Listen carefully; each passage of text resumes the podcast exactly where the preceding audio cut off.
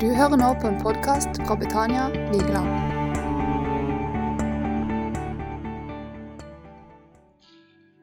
Hjertelig takk for nydelig sang. Kjempeflott. Eh, Det var jo fantastisk å kunne komme her. Vi er jo stengt ned i Kristiansand, så det er vel faktisk det eneste stedet i Agder det er lov til å gå på møte. For jeg tror de ble stengt ned i eh, både Grimstad og Arendal. Og så eh, det er jo fantastisk å få lov til å komme på et møte. Vi får jo nesten litt sånn abstinenser eh, når vi er vant til å gå på ikke bare ett møte, men eh, faktisk flere møter i løpet av uka. Så er det nesten sånn at oi, så godt det endelig er. Så en får virkelig tak i hva en savner når det er at en ikke får vært sammen. Og fantastisk å være sammen med dere her. Jeg har jo fått lov til å være her faktisk ganske så mange ganger i løpet av faktisk eh, Jeg husker ikke første gang, men det var faktisk ned på 80- eller 90-tallet. Så eh, jeg har jo fulgt med deg litt sånn på avstand. Jeg måtte ha litt sånn skikkelig trosføde sjøl når eh, vi ble stengt ned igjen i Kristiansand. Eh, Så jeg tenkte liksom Hvem kan gi meg litt inspirasjon? Eh, Og da eh, bestemte jeg meg for jeg skal lese gjennom historien om Gideon på nytt igjen. Og så kjente jeg sjøl jeg trengte virkelig å bli løfta opp hva Gud kan gjøre i, også i vanskelige tider som vi har her. Og eh, hvis vi ser på, eh, eh, på Dommernes bok, så er det jo eh, en veldig sånn underlig bok. Eh, det står det at det er delvis lydighet og delvis seier, har jeg skrevet. Og hvis en ser gjennom alle disse her som, som har vært med og gjort en innsats i Dommerens bok eh, så Det som imponerte meg, det var egentlig siste resultatet av bønn, som står helt til høyre her. Fordi at det var vanskelige tider. Det var kjempevanskelige tider. Og mange av de opplevde virkelig at det ble trøblete ting. Og så ser jeg når en leser gjennom alle disse historiene, at eh, folk begynte å rope til Herren, og så begynte ting å skje, og så ble det faktisk eh, fantastiske ting. Og eh, Gideon er jo en av de som rager ganske høyt til der. Vi har også Samson. Mange av de andre navnene der har vi kanskje ikke hørt så mye om. Men når en leser historiene og begynner å gå inn i de, så ser en virkelig hva bønn kan gjøre. Og vi er inne i en bønneuke i Kristiansand, faktisk en sånn 14 dagers bønneuke. Og eh, I neste uke nå så har vi planlagt å kjøre litt rundt, for vi kan jo ikke samles. Men vi skal kjøre litt rundt, og så skal vi ha ikke sånn bilrebus, men vi skal ha en sånn bønnerebus. holdt jeg på å si. Vi skal kjøre rundt og så har vi bestemt noen plasser vi skal be for i Kristiansand. Eh, jeg skal komme bitte grann tilbake til det, kanskje. Eh, ja, hvis vi eh, Nå stopper denne opp her. Kan du bare ja, nå, nå hjalp det. Eh, Syv tøffe år med eh, okkupasjon har jeg skrevet. Eh, litt om hva disse midanittene som plaga eh, på den tida der. Eh, Jeg skal ikke si så mye om det, men eh, det er i dagens Saudi-Arabia. Så Israel ble plaga stadig vekk av, av dette folkeslaget. Og Kjennetegnet det var at denne tida her var et litt sånn antiklimaks i forhold til hva som hadde vært under Moses, hva som hadde vært under Josva. De var veldig stabile, de var veldig på. Og så kommer der et folk. Og jeg skal bare ta med bitte grann her at eh, det kjennetegnes av vantro, ulydighet, nederlag og trelldom. Og Dommerboka er et av de mørkeste kapitler i Israels historie. Men det er også sterke innslag av enkeltpersoner som under Guds kraft utførte mektige mirakler. Det var ikke deres menneskelige eh, gaver, men de var kanaler for Guds mektige ånd. Og Det er det som har inspirert meg med Gideon og alle disse som står her, at eh, vi kan alle sammen være kanaler selv i en koronatid. Eh, Så vi trenger liksom ikke å pakke sammen og tenke liksom at eh, nå er det over og ut. Men det er litt tragisk lesning, fordi det står at midanittens hånd lå tung på Israel. Israels barn måtte innrede grotter, huler og fjellborger for å overleve. Og hver gang Israel hadde sådd, kom midtene og ødela avlingene. De var i et overveldende antall og kom inn og herjet landet, og landet ble utarmet. Da ropte Israels barn til Herren. Eh, og når det står der hver gang Israels barn hadde sådd eh, og du vet, I disse tider her så har vi planlagt Vi bestemte oss i Kristiansand for at eh, nå skal vi ikke reise på påsketur. Nå skal vi skikkelig gjøre en innsats i påska. Eh, så vi planla helt hel masse ting, og vi skulle ha en sånn eh, påskekonsert eller påske... Hva kalte vi det for noe, Bodil? Uh, I år. Uh, ja, du har ikke fulgt helt med. Men uh, vi Hun jobber med noe helt annet og gjør en veldig jobb. Men vi hadde virkelig tenkt at vi skulle få med barn, vi skulle få med ungdom til å lage et påskespill, hva vi kalte det vel. Og tenkte at liksom, nå skal vi skikkelig løfte påskehøytida veldig høyt. Og om 14 dager så hadde vi liksom hatt en sånn eh, også tanke om at vi skulle ha en konsert med, med Stavanger Gospelkor og Egil Svartdal, og liksom innledningen til en virkelig sånn satsing i påska. Og så måtte vi jo bare finne ut, og jeg leste senest i dag en melding om at vi må egentlig bare utsette hele greia. Eh, kanskje til rett etter påske osv. Men det er liksom irriterende. For, for Israel var det sånn at hver gang de hadde sådd noe, så kom de. Og jeg har hatt som en følelse de siste år at hver gang vi har planlagt noe, så har det kommet noen som har sagt at nå må det stenge ned. Vi skulle ha hatt en skikkelig eh, greie i sommer også, sommerkonferanse. Vi hadde bestilt noen, eh, invitert noen talere fra Sverige rundt forbi. eh, og skulle skikkelig liksom, for Da trodde vi vi kom til å være mange. Også på nytt igjen stenge ned. Det samme skjedde til, nytt, til nyttår, ja. Eh, noen nyttårskonserter. Det samme skjedde i desember. Så jeg, jeg følte meg liksom litt ett med når jeg leste om Gideon. nå. Hver gang de hadde sådd, så kom noen andre og ødela det. Eh, og det, det, For disse så varte det i syv år. For oss eh, alle så har jo dette her vart egentlig i ett år, da. Og vi håper ikke det var lenger. Så dagens fiende, hva er det? Eh, Covid-19. Ja, de har ødelagt litt for Guds folk. Eh, Jeg er så heldig at jeg spiser frokost eh, sammen med en del ledere, deriblant eh, biskop Stein Reinertsen, en gang i måneden. Og Vi satt og snakket liksom om hvordan har dette året vært.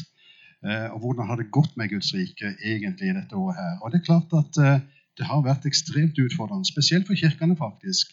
For de har ikke hatt disse fastmonterte stolene, så de har bare vært ti stykker i domkirka. Det er helt ufattelig. Den store kirka har vært ti stykker. Vi har vært utrolig heldige i Filelfia, for vi har hatt fastmonterte stoler og kunne ha vært eh, eh, 200 da en del ganger, så vi har vært veldig privilegert. Men jeg tenkte dagens fiende, det siste jeg har skrevet her, det vokser opp et folk som ikke kjenner Herren. Og det er kanskje det, det, For det ble jo da et resultat av mange andre ting som skjer. Når det vokser opp mennesker som enda ikke kjenner Herren, eh, så kan vi lure på liksom, hva blir da? Så jeg har kjent et veldig kall, det vil jeg si, i eh, de siste årene. Du vet, Dere har jo et fantastisk fyrtårn som står her i, eh, midt i krysset her. Og vi var faktisk også helt ute på Lindesnes i forrige uke. Um, og hver gang jeg ser, når jeg kjører forbi her og ser dette fyrtårnet, så minner Gud meg om noe han viste meg for en god del år siden. For han viste meg at uh, Han spurte meg hva er et fyrtårn. Uh, og jeg visste jo, for jeg hadde kjørt forbi her. Og jeg visste jo fordi jeg har jo sett det mange ganger. Um, men så sa Herren til meg at eh, når dere har søndagsskole, sånn som vi hadde en time hver søndag, og som dere har her i dag, så sa han da er dere et glimt av Jesus i byen. Men så, så la Gud inn noe veldig alvorlig, som har vært veldig alvorlig for Messina, og sa at jeg har egentlig ikke bare kalt deg til å være et lite glimt. Jeg har kalt deg til å være et lys. Og forskjellen på et fyrtårn som gir et blink i ny og ne, og et lys, det er at det kan lyse hele tida. Og plutselig så begynte Herren å tale til meg om at eh, vi måtte utvide fra å være et lite glimt på en søndagsskole en gang eh, i uka, til å gjøre noe mer enn det. Og en av de tingene som eh, jeg har vært veldig opptatt av det siste, eh, det er kristne skoler. Her er et bilde fra når vi etablerte eh, Vågsbygd skole sammen med Oasen menighet i det er vel to år siden, eller kanskje tre, husker ikke helt. Men jeg var med på den første skolen som Oasen menighet holdt på med. Eh, Da var de på Mjåvann industriområde nær Kristiansand. Eh, Og det var en veldig sånn løft i at vi endelig klarte å få det til her på Sørlandet. Eh, Og da var det 30 elever. Så spurte oss en menighet om vi ville koble på. Og det gjorde vi. Vi kjøpte oss inn i det skolesystemet der. Og jeg har vært veldig engasjert de siste årene for å prøve å løfte dette. Og det minner meg bare på at eh, har jeg også solgt fyrtårnet her i, i dag når jeg kjørte inn her, at um, i dag så kan vi faktisk være et fyrtårn, eh, eller et lys for barna i eh, løpet av uka, hele tida, ikke bare én time på søndag. Og Det er faktisk noe av det jeg takker Gud aller mest for.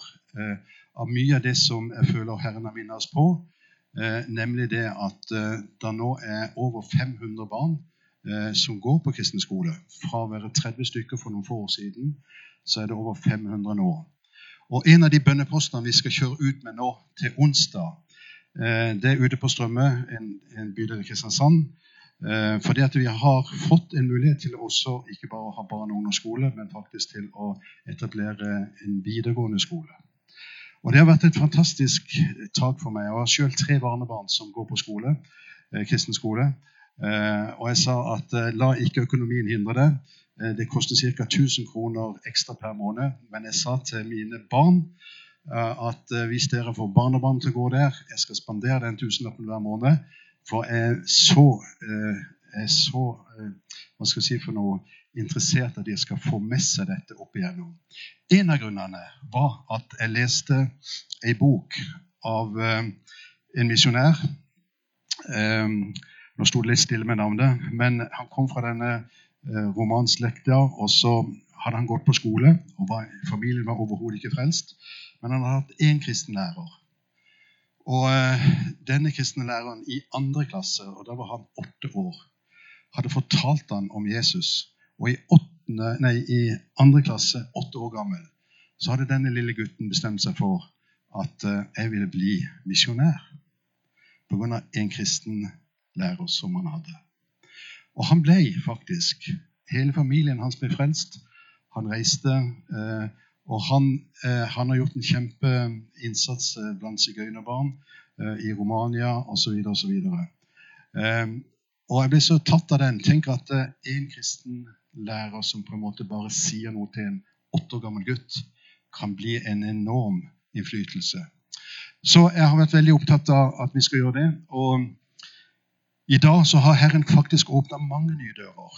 Eh, akkurat nå så holder vi på med å få til en skole i Flekkefjord. Vi prøver å få til en skole i Drammen.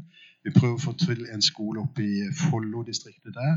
Vi har eh, en mulighet kanskje også på Vestlandet, kanskje også i grenlandsområdet. Så i løpet av ganske få, faktisk i løpet av de to siste årene, så det er akkurat som Herren har liksom åpnet opp. Og jeg har kjent meg utrolig minnet til å stå på, fordi at eh, det var akkurat som Herren sa til meg, at uh, det er kanskje et vindu som er åpent akkurat nå til å etablere disse skolene. Vi vet ikke hva slags regjeringer vi får. Noen er for skoler, noen er ikke for skoler. Plutselig kan det stengt ned. Og så var det akkurat som vi plutselig i løpet av noen få år fikk veldig mange muligheter. Um, ja, eh, Det som er fantastisk, det er at uh, når, uh, når, vi føler oss liksom maktesløse for det er klart Den første gangen jeg sto ute på Mjåvann med 30 elever i en lagerbygning, og det så ikke ut som en skole, de hadde ikke noe særlig skole, eh, skolegård, og ingenting så så veldig greit ut, så sa jeg jo der og tenkte liksom Ja, hva kan jeg gjøre med dette? Jeg var også da veldig bekymra for at uh, kristendom ble trukket ut av skoler, og det liksom var nesten umulig å få lov til å si noe som helst. Men jeg tenkte også når jeg sto der, kanskje for 15 år siden, eller kanskje enda lenger, hva kan lille meg gjøre med det? Men plutselig så har jeg bare sett at uh, når Herren er med Og Gideon han var jo en sånn type. Uh, for beskjeden fra himmelen var at uh, Herren er med deg, du kjempe. Men responsen fra Gideon den var vantro. Hvis Herren er med, hvorfor? Ikke sant? Og alle erfaringene i syv år var jo at uh, dette nytter ikke.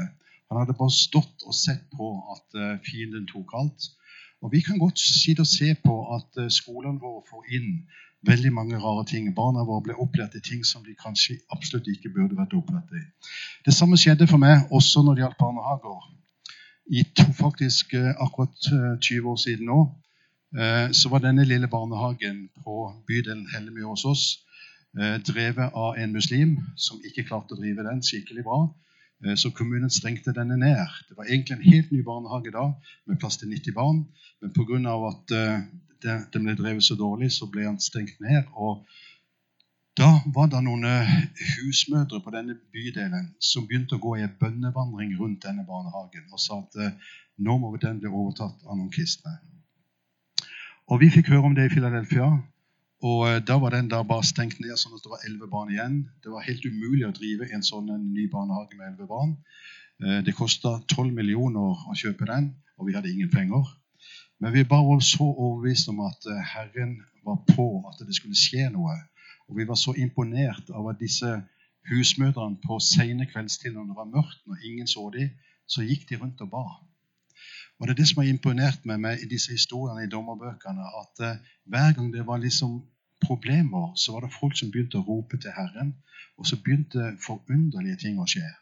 Gjennom hele dommerboka så kan du se at eh, fra å være krig, fra å være vanskeligheter, så ble det plutselig 40 år med fred, eller 20 år med fred, osv. osv. Og og jeg hadde tro når, det at vi, eh, når vi var eh, rundt denne barnehagen da, og skulle kjøpe den. Eh, jeg husker jeg sto der og ba. Vi var flere ganger oppe på området og ba hele Eldsterådet. Og så husker jeg at jeg hadde tro for at eh, på et eller annet vis så skal vi få en barnehage, kristen barnehage i hver bydel i Kristiansand. Og plutselig så begynte det òg å ekspedere, og vi fikk eh, på løpet av kort tid eh, fire store, store barnehager. Men det var min begrensa tanke. Det var åtte barnehager i hele Kristiansand. I 2016 så skjedde det noe at Herren plutselig begynte å åpne opp noe mye mer. Så vi fikk tilbud om å være med i en landsdekkende kjede.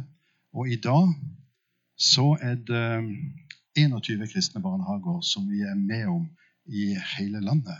Og det vokser stadig. Og igjen så er det noe av denne tanken etter fyrtårn som står her. Så jeg, helt ærlig så tenker jeg noe av mitt største takkeemne når jeg våkner om morgenen og ber Takk, Herre, for at i dag er det 500 barn som går på kristne skoler i Kristiansand. Og det er kanskje 2000, kanskje 3000 barnehagebarn rundt om i landet. Fordi at det var noen husmødre som gikk og ba rundt en kristen eller en barnehage for 20 år siden og sa at eh, vi må gjøre noe med det. Så selv om det så liksom så umulig ut og så lite ut, så vanskelig ut, eh, så er resultatet i dag at det er faktisk noe av mitt største takkemne å vite at eh, vi på nytt igjen får et folk som kan vokse opp og kjenne Herren. For det vokser opp for mange som ikke kjenner Herren i dag. Eh, Og eh, det er bare et tidsspørsmål, tror jeg, hvis ikke vi gjør noe, at vi blir en utdøende rase som kristne i, eh, i Norge, faktisk. Det som er så fantastisk, det er at det er utrolig forskjell på hva, hva himmelen mener om oss, og hva vi tenker om oss sjøl. Himmelen mente om Gideon at han var en djerve av en kjempe. Og så kan vi sitte og tenke på at eh, det stemmer overhodet ikke. For det er at eh, vi sitter ofte med noen helt andre inntrykk av sjøl. Og jeg skal bare lese hva det står i Dommer 6,13. Men Gideon sa til ham, hør på meg, Herre. Hvis Herren er med oss, hvorfor har da alt dette rammet oss? Og hvor er alle hans undergjerninger som våre fedre har fortalt oss om, når de sa, førte ikke Herren oss opp fra Egypt, men nå har Herren forlatt oss og overgitt oss i midjanittenes hånd. Så når, når himmelen sier at uh, du er en fantastisk uh, stor uh, og djerv kvinne eller mann, så var Gideons svar hvis, hvorfor og hvor. Og Jeg har jo kjent meg igjen i, i mye av det mange, med, med veldig mye av det Herren har også om i Kristiansand og meg personlig. At jeg vet jo at Herren er mektig. Jeg vet jo at ingenting er mulig fra Gud. Men når Herren begynner å tale, så begynner ofte disse spørsmålene hvordan skal det skje, hvis det er sånn og sånn, hvorfor, osv. Så, videre, og så, videre. så jeg hadde bare lyst til å inspirere deg denne formiddagen her. Eh, For dere har jo gjort fantastiske ting her på Vigeland. Eh, Jeg er veldig mye rundt, og faktum er, om dere tror det eller ei, så nevner jeg også dere her i Vigeland. Eh, Jeg sa til Bodil når vi reiste hjem jeg skal ta et bilde faktisk av lokalet her. Jeg håper jeg kan ta et bilde også av noen av disse her barnerommene her. For jeg har faktisk brukt det som inspirasjon eh, til andre menigheter. Til å tenke liksom, hva kan være mulig i forhold til barnearbeid, ungdomsarbeid. Jeg syns dere har tatt noen fantastiske steg i lokalet her til å legge forholdene til rette for at det skal skje. Så eh, jeg må jo bare si jeg er imponert over dere. Eh, jeg tenkte at Nå vil jeg ha med meg noen bilder som jeg kanskje kan vise når jeg rundt noen andre plasser også og, og taler. Um, men det var jo en voldsom fiende. Um, det står jo det at uh, men midjanittene og amalakittene og alle Østens barn lå der i dalen så tett som gresshopper og det var ikke tall på kamelene. De var tallrike som sandet på havets strand. Og du vet, Når vi tenker kanskje på nasjonen vår, liksom, går det virkelig an å tenke at Guds rike skal ha innflytelse i Norge som nasjon i dag? Så er det jo liksom en vegg av, av alle slags mulige andre forhold som gjør at vi tenker eh, det kan umulig være tilfellet. Og eh, vi må bare eh, Jeg bare bestemt meg for at jeg skal ikke la meg knekke ned av vantro på det. Eh, og beskjeden som vi egentlig får, kanskje alle sammen, det er jo bare det som Gideon fikk. Gå av sted så sterk som du er, så skal du frelse Israel av Midianittens hånd. Har jeg ikke sendt deg. Og du vet, Denne ene setninga den har nesten alle i Bibelen fått.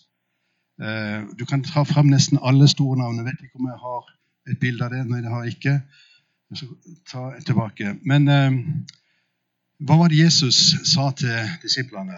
Det var jo bare denne enkle setninga. Se jeg med dere alle dager inntil verdens ende. Og dette det er ikke så veldig mye å gå på. Eh, ja, jeg er med deg. Ja, liksom sånn. Men jeg har bare oppdaga mer og mer og mer at uh, alle som har vært før oss i Bibelen, og som har levd før, de har måttet leve på den der enkle sannheten der at uh, ja, Herren vil være med deg. Uh, og jeg bare vet at når Herren er med, så er ingenting umulig. Jeg tok bare et bilde også Ja, nå var vi Nei, nå var vi langt av gårde her. Ja, det hopper litt frem og tilbake. Men vi kan bare gå videre der.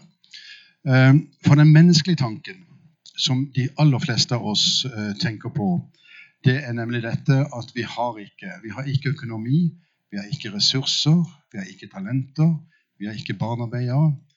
Eh, og disiplene sa også dette. Vi har ikke mer enn fem brød og to fisker. Hvis vi da ikke selv skal gå og kjøpe mat til alle disse. Og så står jo dette fantastiske i Johannes. Eh, denne beretninga står i de fleste evangeliene. jeg tror i alle evangeliene. Men det er bare Johannes som har fått med seg en veldig veldig viktig detalj. Så står det at eh, Jesus, dette sa Jesus for å prøve ham. For han visste selv hva han ville gjøre. Og Det er jo det fantastiske når Herren utfordrer oss. Hva er det da som skjer? Jo, det er jo fordi at Jesus har en plan for å løse hvordan det skal skje. Vi tenker ofte at nå er vi over litt til oss sjøl og tilfeldighetene. Men min erfaring er at når Jesus virkelig ber oss om å gjøre noe, så er det fordi at han har en plan om hva som egentlig skal skje, og hvordan det skal skje. Når vi skulle bygge eh, Vi hadde et bilde her, hadde vi ikke det? Eh, ja, Klarer du å finne bilde av lokalet, du som er på Storskjell? Der var vi. Så bra. Har sikkert roda frem og tilbake med den her. Men uh, i 1959 uh, så bygde vi jo det lokalet som der står, som dere ser. Og våre foreldre Jeg ser Rune sitter i salen her òg. Vi har noen bilder av at de sto på dag og natt. Nesten. Ikke dag, ikke natt, men i hvert fall veldig mye på kveldstid. Så jobba de dugnad med å få opp dette lokalet i 1959. Um, og det tok sikkert eh, to til tre år med en iherdig dugnadsinnsats. Uh, og jeg tenkte at uh, når vi bestemte oss for at uh, vi kanskje skulle bygge nytt, så hva vil det si, disse som har ofra så mye dugnad på å få dette opp? jeg var litt redd for å gjøre det. Og jeg husker veldig godt når det at vi endelig hadde bestemt oss for at vi skulle rive det. Vi hadde ikke noe sted å flytte. Vi hadde ikke noe tanke om at vi skulle få det bygget som det står bilde av. Men jeg husker bare det at vi, eh, vi eh, hadde et eh, menighetsmøte hvor vi hadde alle vi si, papirene i forhold til en entreprenør som skulle dra dette videre.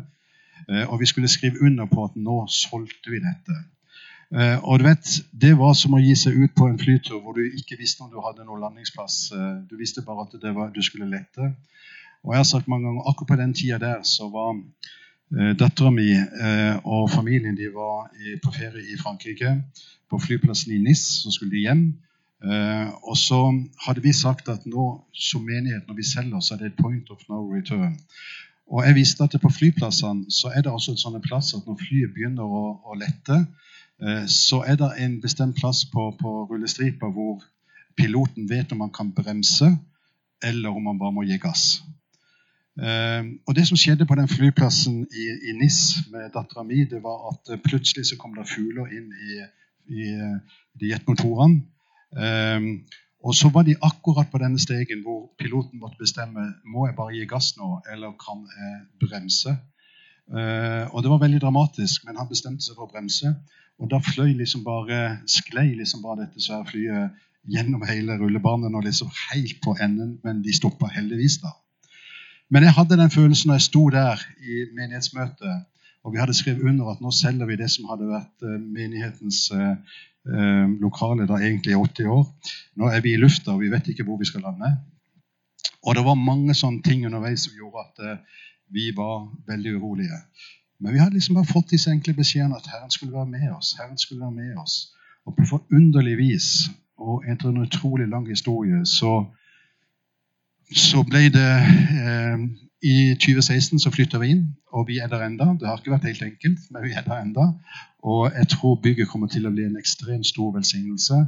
Eh, og det har kommet mange profetier for tida framover. Men eh, utgangspunktet var at uh, hvordan kan vi Jeg har sagt mange ganger at vårt eldste råd det var absolutt ikke de som skulle til for å bygge et stort bygg. Uh, vi har én dykker i eldsterådet, vi har én lærer, vært bankmann, vi har en rørlegger, og vi har en revisor, og vi har en platearbeider, og ja, kanskje noen får til. Men liksom, ingen av oss har noen erfaring. Og vi kunne godt ha sagt det samme som Gideon, at vi er hvordan skal det skje? For vi er de minste, vi er de svakeste, vi er de som har null peiling på dette. Men vi gikk bare på løftet om at Herren skulle virkelig være med oss. Um, og som jeg sa, at uh, Herren visste sjøl hva han skulle gjøre når han satte i gang disiplene. Og Hvis du forestiller den, um, den situasjonen når Jesus hadde velsigna disse brødene og fiskene, uh, så står det jo ikke det at det ble en veldig haug med mat med en gang Jesus hadde velsigna dem. Så jeg har sagt mange ganger at den største trosvandringa som jeg ser for meg i den situasjonen For Jesus sier til disiplene at uh, nå skal du la folket sette seg ned i grupper på 50, og så skulle de gå rundt og dele ut. Og når Jesus velsigna disse eh, to fiskene og fem brød, eh, så ble det jo ikke veldig mye da, hvis du skal dele det i tolv kurver. Og Jeg ser for meg disse disiplene som går med ei lita kurv, kanskje en stor kurv, men med veldig lite mat i, til de første 50. Og du vet, Jeg har spurt meg sjøl hadde jeg tørt å gå med disse smulene til en gruppe på 50 når jeg bare så at det var et hav, for det var 5000 andre som skulle ha mat. Eh, jeg hadde nesten tenkt at nå, nei, nå, nå, nå dette får noen andre gjøre. Men jeg, det kanskje er de største trosvandringene for disse tolv disiplene å gå disse skrittene fra Jesus velsignede til å møte selve eh, utfordringa. Og Det er kanskje noe av det som jeg kjenner på for veldig mange av de tingene som jeg sjøl har vært med i, og som kanskje ligger foran oss. At eh, det å gå den trosvandringen når Herren har talt om noe, og når du ikke ser at eh, det er blitt kanskje antydning en gang til det Herren har talt om, uh, så er det en trosvandring. Men jeg har stolt på den setninga at Herren visste sjøl hva han ville gjøre, hvordan han ville løse det. Og Det er det jeg hadde lyst til å bare oppmuntre deg til også her i Vigeland. Kanskje noen av dere sitter og lurer på liksom, hva Herren tenkt med mitt liv. Kanskje du allerede har fått en tanke som ligger langt utover, kanskje litt annerledes enn det som har vært vanlig. Men eh, du må bare tillate deg å tenke at når Herren har talt inn i livet ditt, eh, så er det fordi at han har en plan. Da er det fordi at han kommer til å løse det på kanskje uh, overnaturlig vis. Og det endte jo opp med da at uh, Gideon da klarte å løse ut denne her utrolige mengden med fiender som var rundt han.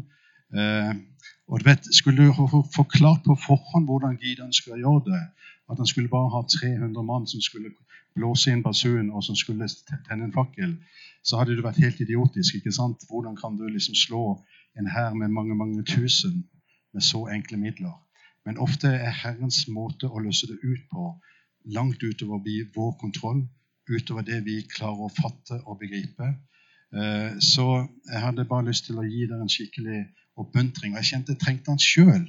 For det er lett å tenke at eh, i disse covid-19-tider så går alt ned. Eh, men jeg har liksom bestemt meg for at jeg skal tenke motsatt. At ingenting er mulig for Herren. Det kan bli de største vekkelsestider når dette liksom snart, tror jeg, er over. Kanskje Herren legger en lengsel i folket til å møtes på et helt annet plan enn vi vært vant til. Kanskje det er folk som virkelig savner det, Så vi har bestemt oss for vi må bare gire opp og innstille oss på at eh, virkelig Herren skal møte oss.